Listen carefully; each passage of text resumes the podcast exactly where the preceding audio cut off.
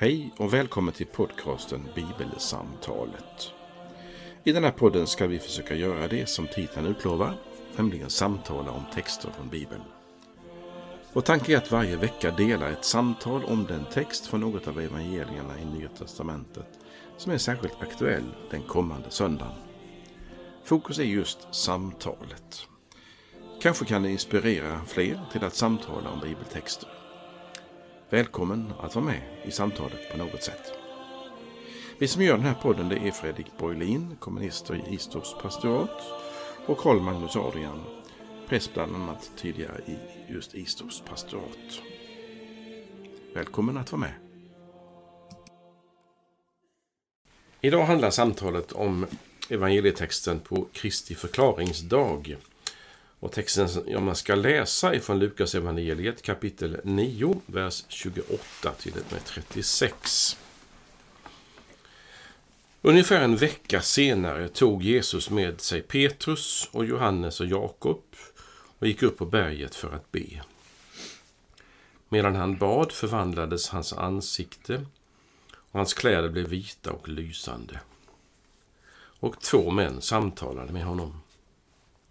Det var Mose och Elia som visade sig i härlighet och det talade om hans uttåg ur världen som han skulle fullborda i Jerusalem. Petrus och de andra hade fallit i djup sömn men vaknade och såg hans härlighet och de båda männen som stod tillsammans med honom. När dessa skulle lämna honom sa Petrus till Jesus Mästare, det är bra att vi är med. Låt oss göra tre hyddor, en för dig och en för Mose och en för Elia. Han visste inte vad han sa. Men medan han talade kom ett moln och sänkte sig över dem. När de försvann i molnet blev lärjungarna förskräckta. En röst hördes ur molnet. Detta är min son, den utvalde, lyssna till honom. Och när rösten ljöd stod Jesus där ensam. Lärjungarna teg om vad de hade sett och vid den tiden berättade de ingenting för någon. Så lyder det heliga evangeliet. Lovad vare du, Kristus. Eh, Förklaringsberget och vad som händer där är temat idag för vårt samtal. Och eh, det jag kan inleda med sådär lite bara som en aptitretare handlar väl lite grann om var vi är. Och inte då i Lukas evangeliet utan på kartan. Ja. Och eh, jag ska inte eh, vara tvärsäker. Men enligt traditionen så är det berget Tabor. Det är det vi kallar för Galileen. Eh, det finns också teorier om att det är Hermon, högt berg eller ett berg in till Kapernaum. Eh, men i vilket fall som helst så kan vi väl gå om inte min vän pastorn mitt emot mig tänker driva någon tes, säga att det är kanske Tabor, ett berg i Galileen. Men jag gör inga växlar av vilken plats det är, utan att och vad som händer. Ja. Och eh, det jag ska säga nästa meningar innan du hoppar in. Fredrik, det är att här har vi lärjungar, tre vid namn, Petrus, Johannes och Jakob. Och Jesus som är där. Och det står att de gick upp på berget för att be. Mm. Eh, det har ju hänt förr i bibeltexterna, just att bedja på ett berg eller avskilt någonstans. Eh, och det berättas också att Jesus själv har bett ibland ensam avskilt. Han har gått undan, berättar Johannes till exempel vid ett tillfälle. Det var för mycket folk. Han skulle vara ensam för att bedja. Så bönen som alltså en möjlighet och en, en plats eller ett sätt att vara inför Gud där man också behöver vara för sig själv. Kanske ihop med några av de närmaste vännerna i detta fallet. Och så händer det som vi ska prata om alldeles strax. Eh, det var min inledning. Ska vi se vad pastorn tänkte kommentera först. Jag ville säga någonting om sammanhanget då. Eh, och man kan väl säga så här. Vi går framåt genom trefaldighetstiden. Nu är det den åttonde söndagen. Men vi kallar den för förklaringsdag. Kristi förklaringsdag. Eh, händelsen i centrum. Detta vi har hört Karl Magnus läsa om. Vi går framåt genom trefaldighetstiden. Men det var vi faktiskt inne på i förra avsnittet. I Lukas så går vi bakåt. Jämfört med förra veckan. Eh, alltså förra veckans text inleddes med orden När tiden var inne för hans upptagande till himlen vände han sina steg mot Jerusalem. Det har alltså inte hänt, men det ska väldigt snart hända. Så vi befinner oss, ja, vi befinner oss före det helt enkelt. Eh, han är inte på väg mot sitt lidande, men han har börjat tala om sitt lidande. Men nu är det inte lidande idag, utan nu är det härlighet. Eh, Jesus förhärligar och så. Som vi ska stanna till vid. Och det första jag skulle vilja fundera lite kring, det är ju detta med att Jesus tar med några av sina lärjungar. Petrus, Jakob och Johannes. Upp på berget. Det, det har jag ibland funderat kring och börjar man lite brottats med sådär. Varför fick inte alla vara med? Eh, vi tänker ju någonstans att lärjunga, lärjungaskaran, ja vi anar att Petrus är någon form av ledargestalt. Han blir ju ledare sen och, och, och eh, han är också den som till exempel säger till Jesus att du är Messias. Eh, och, sådär. och man får tänka att han för de andras talan och sådär. Men, men så väljs det några ut. Alltså Jesus har valt ut tolv bland sina lärjungar som var många fler. Och så eh, vid några tillfällen så väljs en ännu mindre skara ut. Petrus, Jakob och Johannes eh, är kanske den vanliga. Någon gång är Andreas med också. När, de, när Jesus samlar några och talar om den sista tiden och sådär. Och idag så tänker jag så här, de får följa med Jesus upp på berget, de får bevittna Gå gärna i clinch mot detta Carl Magnus. De får bevittna Jesus vid det tillfälle då han är som allra mest upphöjd och ärad. Under sin vandring på jorden. Kanske. Mm -hmm eh, rösten från himlen, Mose och Elia. Eh, Guds röst som säger detta är min son den utvalde, lyssna till honom. Eh, och då kan man, vända, man kan också vända på nästa och, tänka, och komma ihåg att det var också de här tre lärjungarna som var med Jesus som fick liksom gå med en liten bit längre in i ett semane. Mm. Eh, när Jesus går dit för att be kvällen före sin död och han är rädd och han är orolig där och han har ångest. Kanske ett av de tillfällen då han är som allra längst ifrån upphöjdhet och ära och mhm. härlighet. Alltså det är de... Nu, nu, nu, nu liksom kanske jag... Om det är två poler? Det är ja, det är på ett sätt två poler. Ja, det, det... Det, sen kan man ju fundera på om, om det finns andra poler också såklart. Mm. Men, men, men på ett sätt tänker jag här, Getsemane, Förklaringsberget. Nu sträcker jag ut mina händer där, det ser inte ni som lyssnar. Men mm. att det är två poler. Och, och vid de polerna så får, eh, så får Petrus, Jakob och Johannes var med. Det vill säga, det handlar inte bara om utvald för att se härligheten utan också utvalda på något sätt för att, för att få se förnedringen och, och så vidare. Men, mm. Mm. Ja, jag tycker om det. Jag kan gärna haka fast med det och säga att det som, det som de här eh, två, text, två sammanhangen visar, alltså Getsemane, mm. trädgården innan han blir gripen och eh, förklaringsberget. Mm. Det är ju härligheten och det är som du sa, förnedring, eller det är lidandets mm. tydlighet. Så han bär lidandet. Eller tar på sig kalken, som han kallar det själv. Mm. Alltså lidandets kalken. Så eh, vill han ha med sig sina vänner eh, in i glädjen, härligheten, bekräftelsen och in i lidandet och smärtan. Alltså, på något vis eh, vill jag använda ett annat ord också och det är Jesus delar med oss, med lärjungarna, i sitt eget, att dela med sig. Eller vill ha med sig lärjungarna mm. på, i två sammanhang.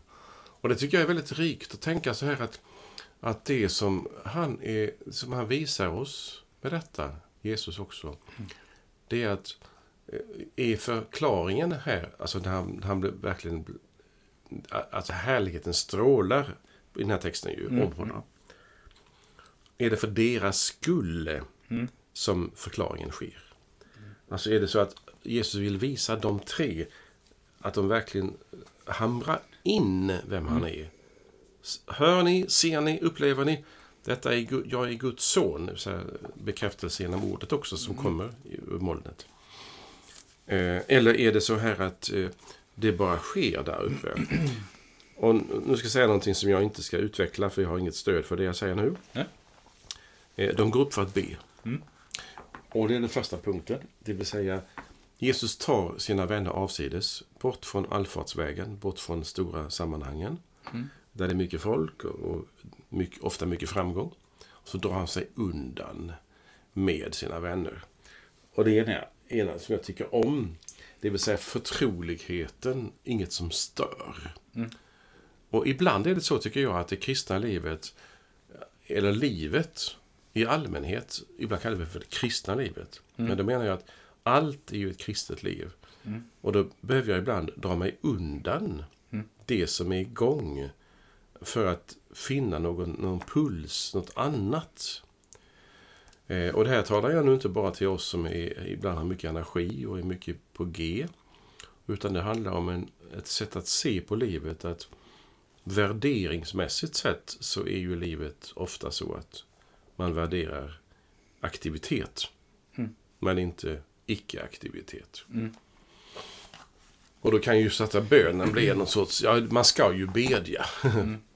Men det är egentligen inte det jag vill. Alltså jag vill inte gå avsides. Jag kan ta en parallell som ju inte är viktig, men jag håller på en del med musik som du vet. Ja, men. Och jag spelade här om veckan ehm, i ett stort stycke för orkester och kör och sånt. Eh, och då kan man ju se på det stycket, det verket, som att det var rätt så häftig musik. Det var musik som jag rubricerar som barockens popmusik. Mm. Eh, så. Och så upptäcker jag när jag håller på med den musiken och spelar den att det är en av de här satserna i det här stycket som för mig liksom är annorlunda, som sticker ut. Mm. Och den, den långsamma satsen. Mm. Som inte är du-du, du-du, du-du, du-du, eller Mm. dun, dun, dun, dun, dun, dun, dun. Mm. Utan det är en, det är en melodisk gång med cellon. Där jag får spela orgelstämman till. Och det är en musik som liksom stannar upp. Och jag, jag märker när jag spelar den här musiken att det, det är en andning som, som, som tar form hos mig.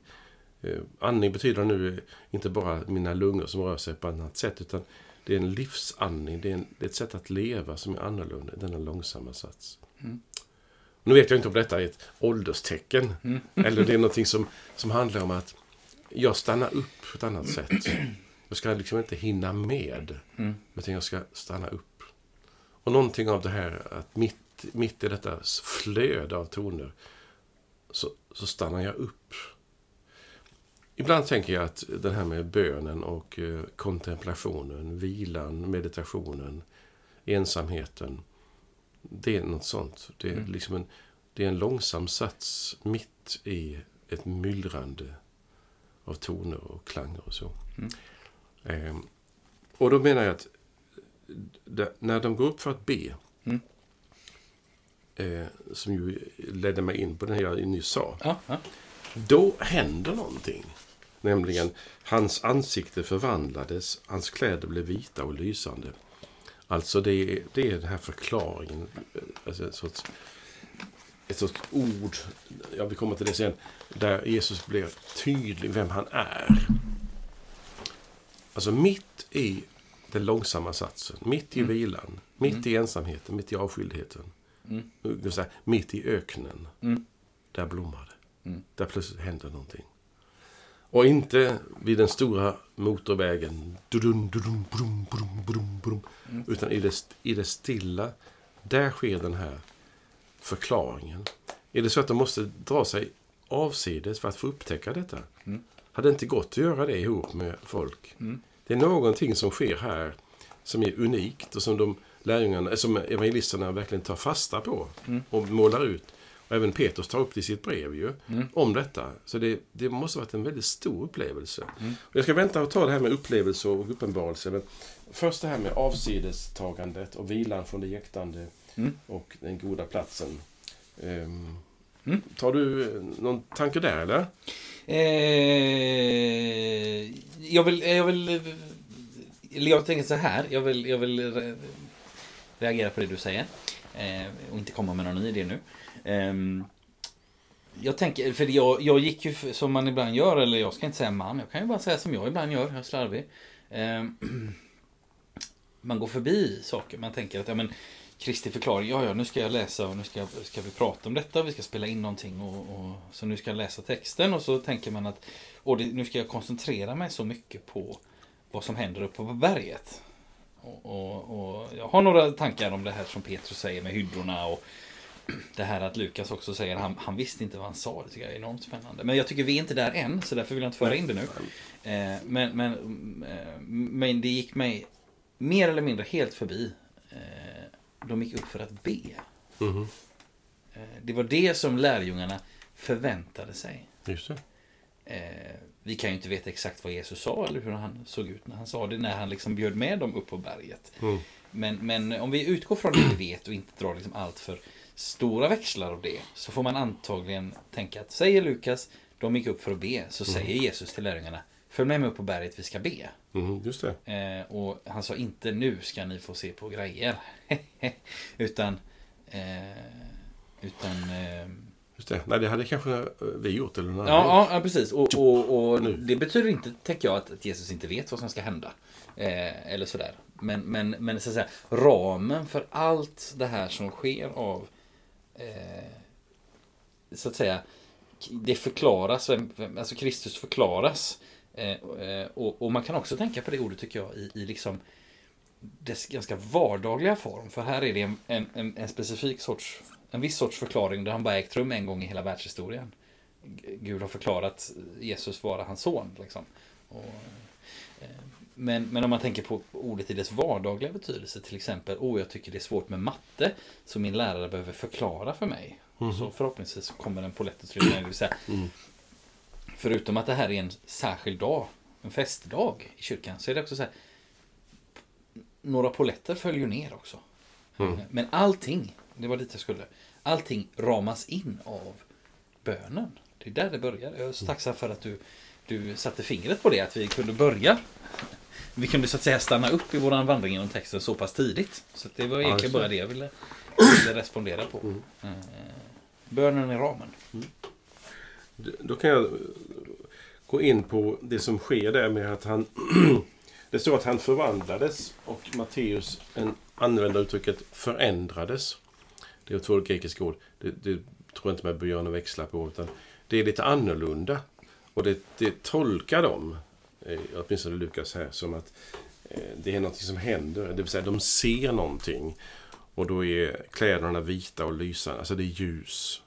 Och det är ju ett utmärkande drag också i Gamla Testamentet. om När Gud visar sig så är det ljus ofta som är med. Så att det är ju det är uppenbart så att det är ett, ett ord som följer med när Gud på något sätt blir synlig. Men det var inte det jag tänkte säga som en viktig poäng. Utan det är bara någonting. Så kommer då Mose och Elia. Ja, Och det är ju, på ett vis kan man säga, och nu kommer det, du kan kommentera om du vill bekräfta eller fylla in någonting annat här. än- Å ena sidan så är det Mose, och han är profeten med stort P i Gamla Testamentet. Han är den som inte bara är med om uttåget ur Egypten och den stora händelsen, deras stora credo. Eh, Utan han är den som, som också förebildar nästa stora profet. mm, just det. Det står i femte Mosebok någonstans att Ja, eh, efter mig ska det komma en profet som är större. Kapitel 18. Ja, tack. Och Johannes 6 när, när, när Jesus bespisar, eller ger mat till så många tusen människor. Mm.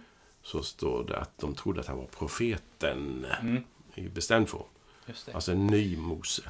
Det. Men det vill jag bara säga att Mose är supergestalten. Mm. Han är nästan, han är större än David. Alltså, David och Mose är två gestalter i Jesus samtid. De, nej, de lever ju inte då naturligtvis, men Mm. Nej. i, historiskt sett så är de med på Jesus samtid. Som två historiska gestalter. David står för kung, makt, Mm. utbredande, synligt Guds rike. Och Mose för Guds profetiska ord, Mm. ledaren. Så. Och Jesus är då Davids son och Mm. han är den nye Mose, profeten. Elia, eh, det är han som enligt Malaki ska komma före Messias. Just det. Och när Jesus hänger på korset så säger han Eli, Eli, lema sabachthani. Som är ju inledning på Psaltaren 20 22. Men också enligt fariseernas misstolkning eller deras vantolkning av det Jesus ropar på korset så säger de Ja, han ropar på Elia. Därför att enligt deras traditionstolkning från Malaki så ska ju Messias, eh, Elia komma tillbaka en gång till före Messias. Och då tänker jag på vid Jesu kors för scenerna så här, tror jag. Eh, här är Jesus och han påstår sig vara Guds son, ha ha ha. Han påstår sig vara Messias, ha ha ha, ungefär. Trodde han. Men, men, men Elia har ju inte kommit än, så klart han, inte kan, han kan inte vara Messias. Och då när han hänger där så ropar Jesus på Elia, menar de. För att om, då måste Elia snabbt, snabbt komma innan han ska dö, för han är ju Messias. Just det, ja. Eh, så att eh, Elia har också en, en betydelse som en sorts återkoppling till att det ska ske någonting med Elia. Och Jesus talar ju själv om att Johannes döparen är Elia. Han är den som förebådar Messias. Så att det liksom gestalter som har väldigt mycket innehåll, Mose och Elia. Och innan du kanske hoppar in där så vill jag bara notera att det som är synligt här i vår text idag, nu tillbaka till den, det är att kring Jesus samlas huvudgestalterna i Gamla Testamentet. Alltså nu när Guds son, Gud blev människa, så bekräftar Mose det på något vis. Som är gestalt, som är profeten, som är den stora gestalten i Gamla Testamentet. Eh, Han är där och Elia och nu, ungefär bekräftar vem Jesus är. Mm. Det som sen eh, Fadern gör med, med orden i molnet, detta är min älskade son. Mm. Så finns det liksom ett vittnesbörd från Mose också om Jesus.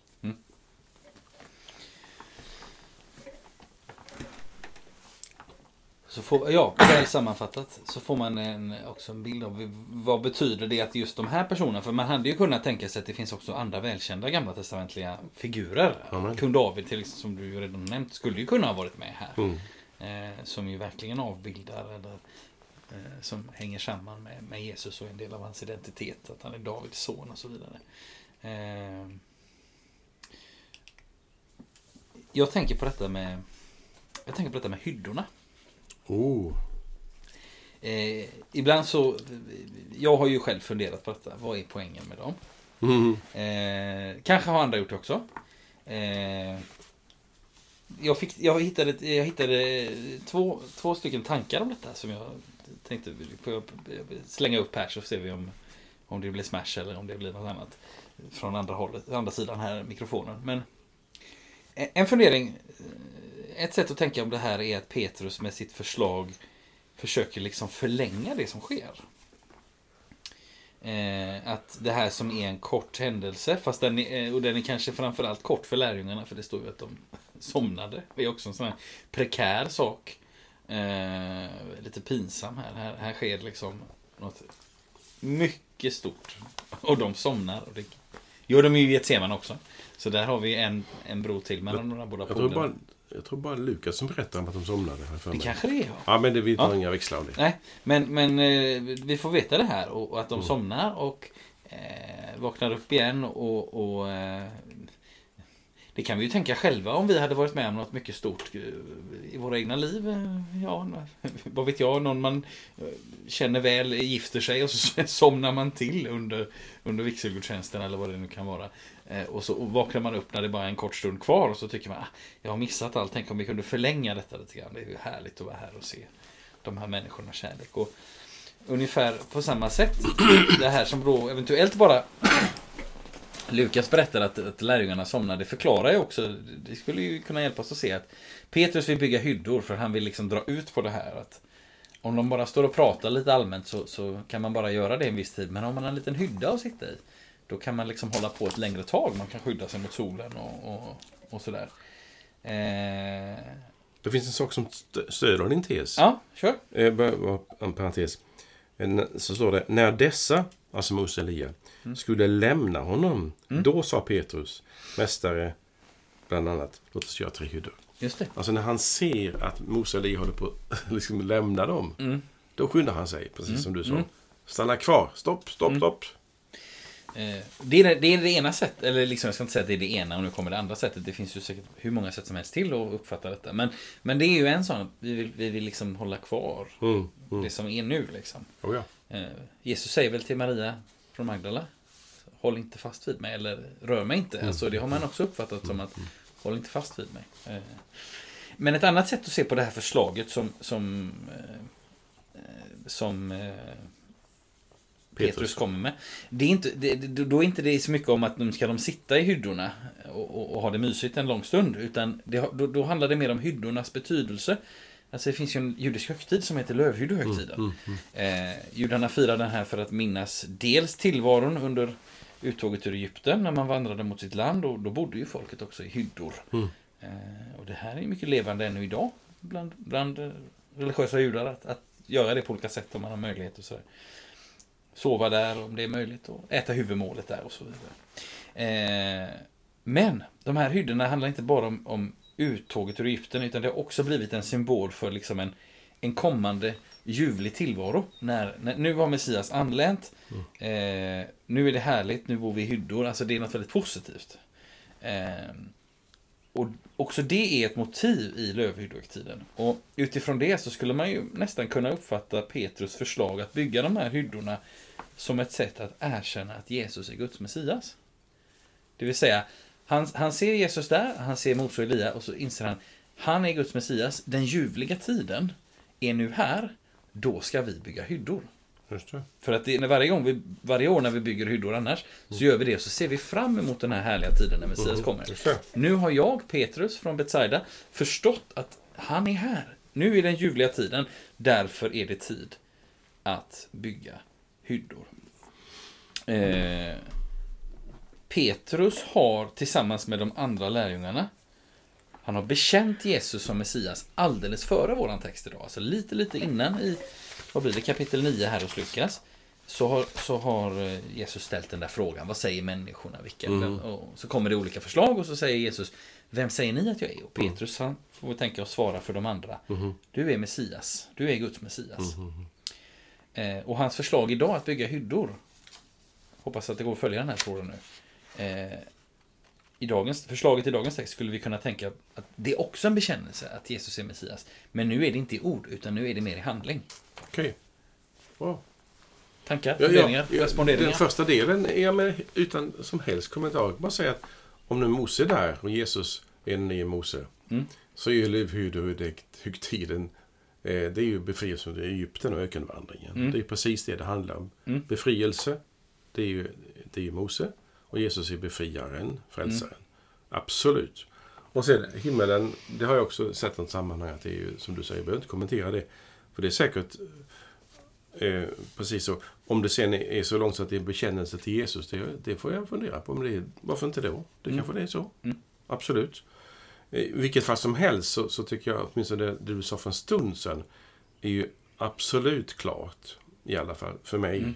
så långt jag har kommit, Mm. att de vill förlänga Mm. någonting. Mm.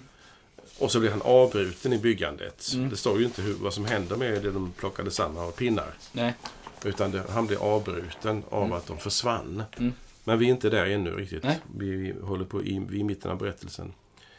Jag, jag kan kommentera, eh, ta upp en tråd precis kring detta och tänka så här att om nu eh, det här med, som vi sa, det börjar med en bön som förändras till ett förhärligande, alltså ett förklarande eller ett tydliggörande av vem Jesus är. Det är ju det som är poängen med hela berättelsen. Mm.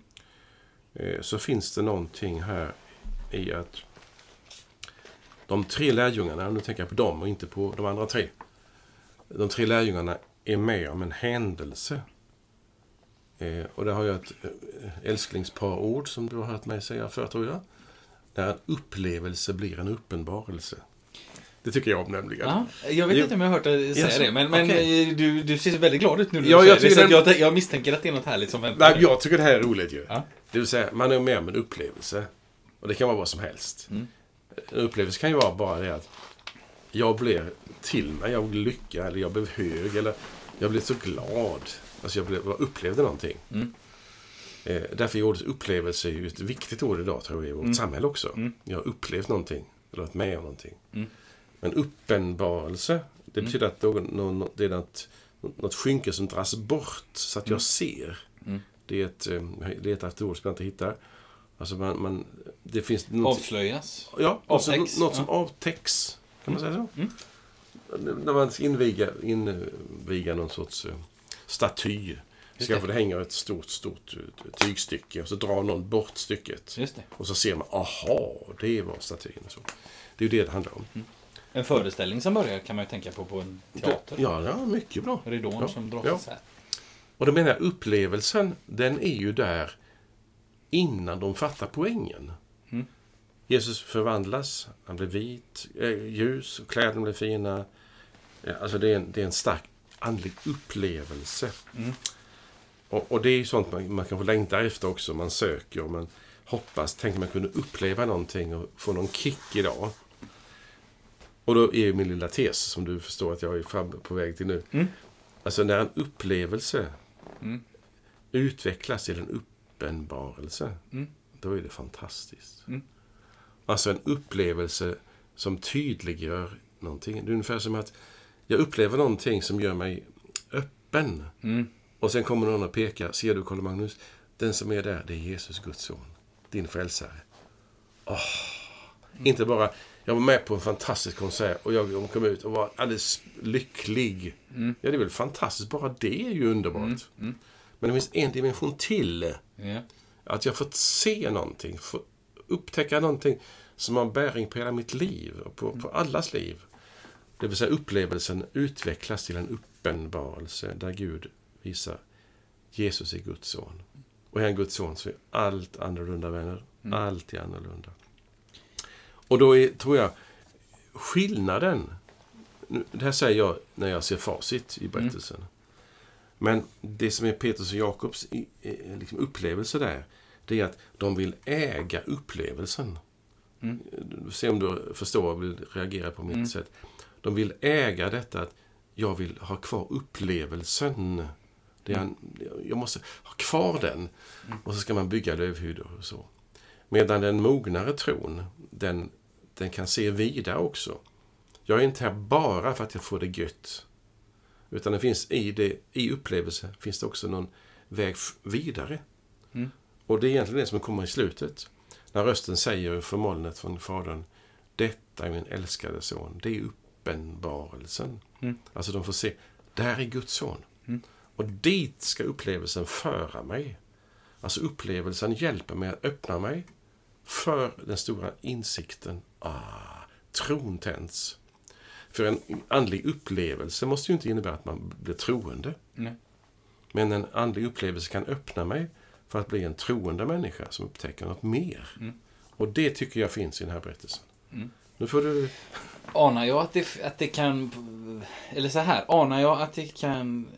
Det kan finnas, eller kanske till och med behövs, en viss tid mellan upplevelse och uppenbarelse.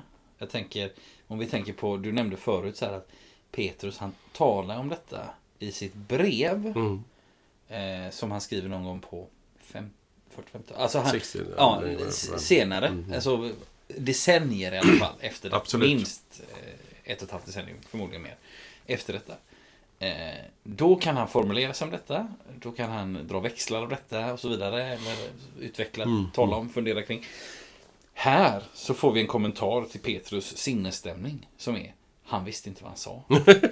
Förstår Det är du? rätt roligt. Eh, Att, det vill säga, det är inte, det är inte ovanligt att eh, när man har gjort en upplevelse Mm. att inte försöka forcera en uppenbarelse. Ja, det är bra. Att Det är bra. det får, det, degen måste jäsa mellan att den, ska, mellan att den rör sig ihop och, och den Mm. bakas ut så att säga till en bulle. Så måste den jäsa. Absolut. Ja, det passar väldigt bra i min bild. Eller det jag har förstått i alla fall av Mm. det. Alltså, du menar ungefär som så att jag är med om någonting. Mm. Och, och det kan man kalla för en kick, en upplevelse. Mm. Eller vilka ord som, Ja. som passar bra i Mm. dagens samhälle. Eh, och sen eh, tänkte jag då, som jag sa nyss, att det, detta öppnar mig på något sätt. Mm. Eller hur? Mm. Jag är mottaglig. Ja. Och då så kan den här, liksom, som du säger, jäsa. Mm. Det kan utvecklas till att jag får, får en insikt på något sätt. Eller att få tron. Eller, Mm. eller få insikt om det, det djupare. Mm. Det är mer än en upplevelse. Därför att om det inte blir en uppenbarelse då jagar man ju upplevelsen eller Mm. upplevelserna. Mm. Och tänk då ponera nu ett dumt exempel att, att Petrus och Jakob och Johannes liksom inte fattar någonting och så, dö- och så, så längtar de efter, det var ju bättre förr när Jesus var med oss. Ja, säger Johannes, det var mycket, mycket bättre. Så säger Petrus, hörni, vi tar och åker upp till berget igen. Då sätter vi oss där vi tre. Och så vä- väntar vi på upplevelsen igen. Mm. Så ber vi jättemycket nu så att upplevelsen kommer tillbaka. Nu ska vi be, be hårt nu, sträng, ordentligt, så kommer upplevelsen tillbaka. Och det kom ingen upplevelse kanske. Ja. Ja. Nu, nu skojar jag ju med, med en sak som jag tror att för mig och för en del som jag har pratat med, är inte ovanligt. Nej. Att man var med om någonting någon gång och så tänker man, det var fint, det var bra, det var stort, det var annorlunda. Men idag är det så fattigt. Mm. Jag känner ingenting. Men åker jag tillbaka dit och sätter mig på samma plats i kyrkan, kanske, så kanske det kommer tillbaka igen. Och då menar jag, då jagar man ju, längtar efter upplevelsen.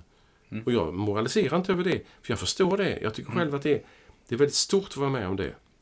Men större, det är ungefär som att när Jesus talade med Thomas efter uppståndelsen, att är den som inte ser men ändå tror. Mm. Alltså tron är poängen. Mm. Upptäcker du vad, vad upplevelsen är är till för? Mm. Ja, kanske jag får hjälp genom den här texten också Mm. att ana det. Och då eh, hade jag någon tanke på det. nej, men jag tänker... Nej. eh, och jo, det var det jag skulle säga. Jo, men det här med så att säga tiden som går mellan upplevelse och uppenbarelse. Eh, skulle ju kunna vara det som eh, som Jesus säger när han talar om liknelsen om surdegen. Alltså att eh, Guds rike är som en surdeg där en kvinna arbetar in eh, ett visst antal mått mjöl. Och, och hur många mått det är är ju inte det viktiga här kanske. Men, ehm, och så till slut blir hela degen syrad. Alltså, men det tar tid. Eh, och det finns ju andra liknelser, den växande säden i Markus och sådär. Men, men alltså, eh, det tar tid mellan upplevelse och uppenbarelse. Och, nu, det är bara för att föra in ett annat eh, perspektiv. Nu talar ju vi om någonting som eh, vi uppfattar, och så, så tänker jag att du tänker också, Carl Magnus, utifrån ditt exempel nyss, eh, att det här är något väldigt positivt. Wow, Ja. vi har fått se Jesusberget, vi vill återvända dit, vi vill liksom bli höga igen ungefär. Just eller det, så, just det. Eh, men jag, om man liksom bara tänker på, på begreppen upplevelse och uppenbarelse, tänker jag att det här kan ju också vara någonting mycket negativt. Alltså det vill säga, alltså det kan också, eh, jag kan uppleva någonting som är mycket eh, är svårt för mig. Aha, en sorg eller någonting. ja, ja, ja. Och sen, sen så, och så frågar jag kanske i den stunden, vad är meningen med detta? Mm. Nej, nej, nej, det är för tidigt. Försök inte göra din upplevelse till en uppenbarelse. Aha. Utan låt också Aha. den här degen jäsa. Så att du senare kan upptäcka, då. oj, det här fick jag lära mig. Jag det kommer i alla fall något gott utav det. En del människor kan ju gå med om saker som är hemska och ändå säga, jag hade inte velat vara utan erfarenheter. Det är mycket märkligt Ja. Mm. hur man kan säga så. Men, men, men, men jag, jag, jag dömer ingen som säger så, men jag, jag är bara fascinerad. Och, och, och, eh, Men, men, du, men, men så, att säga, så det, det behöver inte bara handla om wow och de, de fantastiska uppenbarelserna som blev en, eller upplevelserna. Det kan också vara, åh det där som var jobbigt för mig, men det, även det kunde bli en uppenbarelse. Ja. Eh, Det du säger ungefär, det är att, som jag förstår det i alla fall, att, att upplevelsen eh, ska man vara rädd om. alltså man ska inte för, förakta känslorna. Man ska inte förakta upplevelsen. Men själva tolkningen av den ska man inte begära att man ska fatta direkt. Mm. Men man får inte heller säga nej till jag satt i kyrkan och, på, och jag, blev så, jag blev så hög för jag, och glad blev jag för och det var fantastisk musik. Och så kommer någon och säger Ja, Carl Magnus, du ska inte, bygga inte på känslor nu. Ja. Ja, men jag får bejaka det.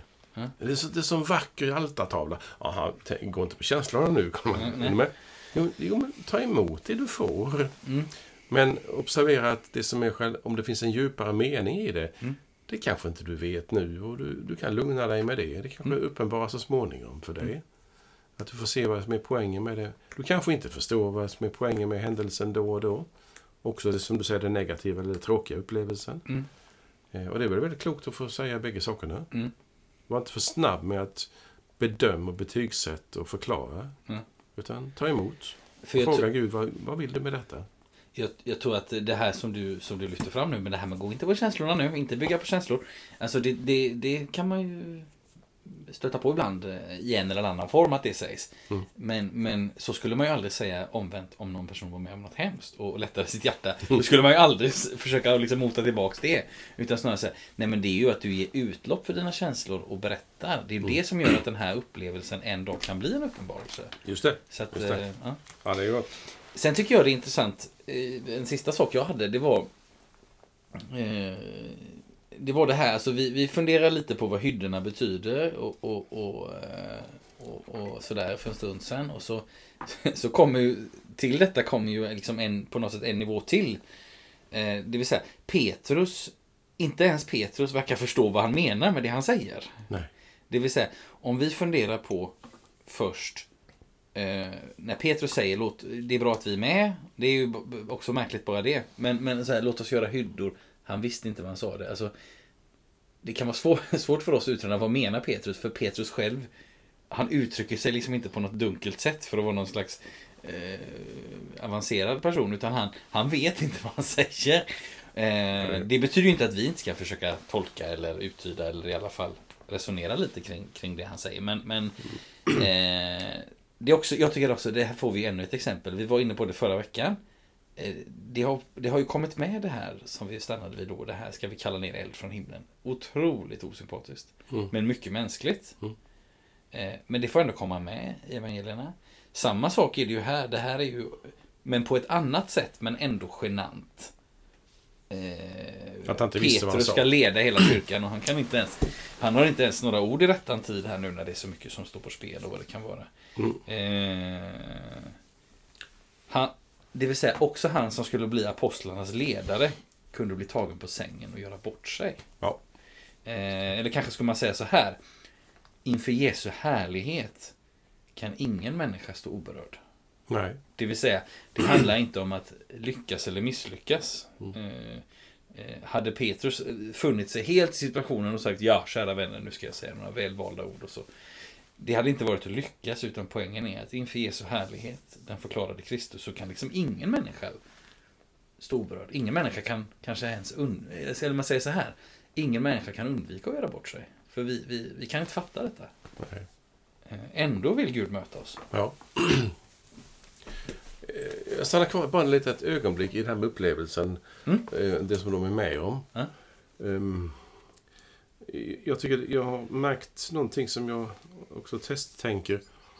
Eh, Och det är att eh, när man försöker hålla kvar Mm. upplevelsen så försvinner den. Mm. För när Petrus vill göra hyddor för att hålla kvar det, då försvinner Mose och Mm. Elia Mm. ur blickpunkten.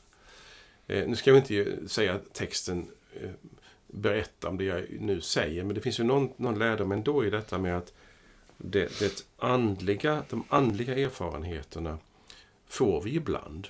Mm. Det finns ju, vad vi vet, en sån här förklaringsstund Mm. för lärjungarna. Inte Mm. hundra stycken, Nej. en i veckan eller någonting sånt. Mm. Och, och mm, vid många tillfällen så undrar man om de verkligen har fattat att Jesus är Guds son. Mm. Det verkar ju som, som de, de gör bort sig ständigt om detta. Och så. Utan de var med om en gång en sån här förklaringsstund. Och, det, och det, den upplevelsen och den insikten och den, den betyder någonting för dem naturligtvis. Och den har de med sig. Men eh, det är också så att förklaringsberget är ju inte slutpunkten. Det är ju inte där som Jesus så att säga, gör, gör sitt verk. Mm. Där är inte korsen resta. Eller korset rest på förklaringsberget. Utan de ska ner därifrån. Mm. Eh, och på något vis ska bekännelsen till Kristus som Guds son och tron på Jesus som Guds son följa med ner från berget. Mm. Eh, så att de har med sig denna bekännelse till Jesus som Guds son i det som sen kommer. Mm. Och då har vi med oss en sak till ifrån upplevelsen och erfarenheten som vi talar om nu. Jag kan inte hålla kvar upplevelsen, men den har ett syfte. Åtminstone ibland, kanske jag ska tillägga. Att bevara tron också när du, när du inte har upplevelser och inte har insikter och- som är väldigt så starka som på berget. Alltså det finns mycket mörka stunder. Själens dunkla natt är ett vackert tema ifrån, vackert fel ord, Johannes av korset, eh, som tydliggör att mm, livet är också en ökenvandring. det, det finns mycket här som bara är ett... Att bara vara som människa utan att förklaringsstunder. Ja, så, sånt är livet. Mm. Precis sånt är livet. Och jag tror inte ett ögonblick att Gud är mindre närvarande där. Mm. Men ibland får man se det. Och då har man med sig någonting som jag tycker är viktigt. Eh, sen har jag en liten parentes, inte så viktig. Eh, eh, kör. om det här med molnet, Mm. som har fascinerat mig. Eh, du minns var molnen finns. Det finns eh, också i dopet, Mm. Jesus döps. Och där kom också samma röst från himmelen. Detta det. min älskade son. Mm. Och så är det ett, ett moln till som har fascinerat mig som vi pratade om på Kristi himmelsfärdsdag. Just det. Ja. Det vet jag vi pratade om. Ja. då, Ja. Mm. Och, och molnet är liksom... Ja, nu märker ni som lyssnar att nu, jag har inte ord för detta, för jag vet inte hur jag ska uttrycka mig. Men att när Mose och Elia går från den synliga världen, där Petrus, Jakobs och Johannes kan se dem, Mm. till den osynliga världen. Så är det ett moln som, som markerar. De går liksom, molnet täcker dem, Mm. och sen när molnet har försvunnit, så är de inte där. Mm. Och de har inte åkt upp som en raket. Nej. När Jesus är vid himmelsfärdsberget så, så är det ett moln som omsluter honom. Och sen när molnet har försvunnit så är han inte där. Mm. Inte raket upp till himlen. Nej. Alltså det är molnets, och molnets närvaro under ökenvandringen. Mm. Som, som Guds närvaro. Men också ett, ett sätt att skydda. Vi har inte koll, på det här. Hur går de från den osynliga världen till den synliga världen? Mm. Eller från den synliga världen till den osynliga världen? Mm. Ja, det vet inte vi. Nej. Här är, här är ett, ett underbart dunkel. Mm. Och moln är ett bra exempel på dunkel. Det är bra att inte veta för mycket. Alltså, vi måste inte begripa allt. Det är inte poängen med bibeltexterna, att vi ska begripa dem. Utan ana Guds storhet och Guds härlighet. Vill du säga något mer som avslutning? Nej, jag har Fredrik. inget mer att tillägga. Inget mer att tillägga. Du, du vet att det finns ju en av... Eh, eh, jag vet inte om det är Matteus eller Markus som har det här med... Eh, hos Lukas lyder det så här. Eh, en röst hörs ur molnet. Detta är min son, den utvalde, lyssna till honom. Och när rösten ljöd stod Jesus där ensam. Eh, och så står det i ett annat evangelium att de såg Jesus alena. Mm. Och så Just det, det- ingen utom Jesus. Nej, det är liksom ett vackert ord på någon bok också. Jesus, bara Jesus. Mm. Ungefär betydelsen att det räcker med bara Jesus. Mm. Du måste inte ha upplevelsen. Du måste inte ha en, en, en synlig Mose och Elias som har varit död och blivit levande igen. Utan det räcker med Jesus. Det kanske kan få vara en bra avslutning. Att det, Mm. det räcker med Jesus. Det är väldigt bra med Jesus. Amen. det. Ja. Eh, till dig som har lyssnat, allt gott önskar vi dig och eh, Guds välsignelse. Hej då! Hej då!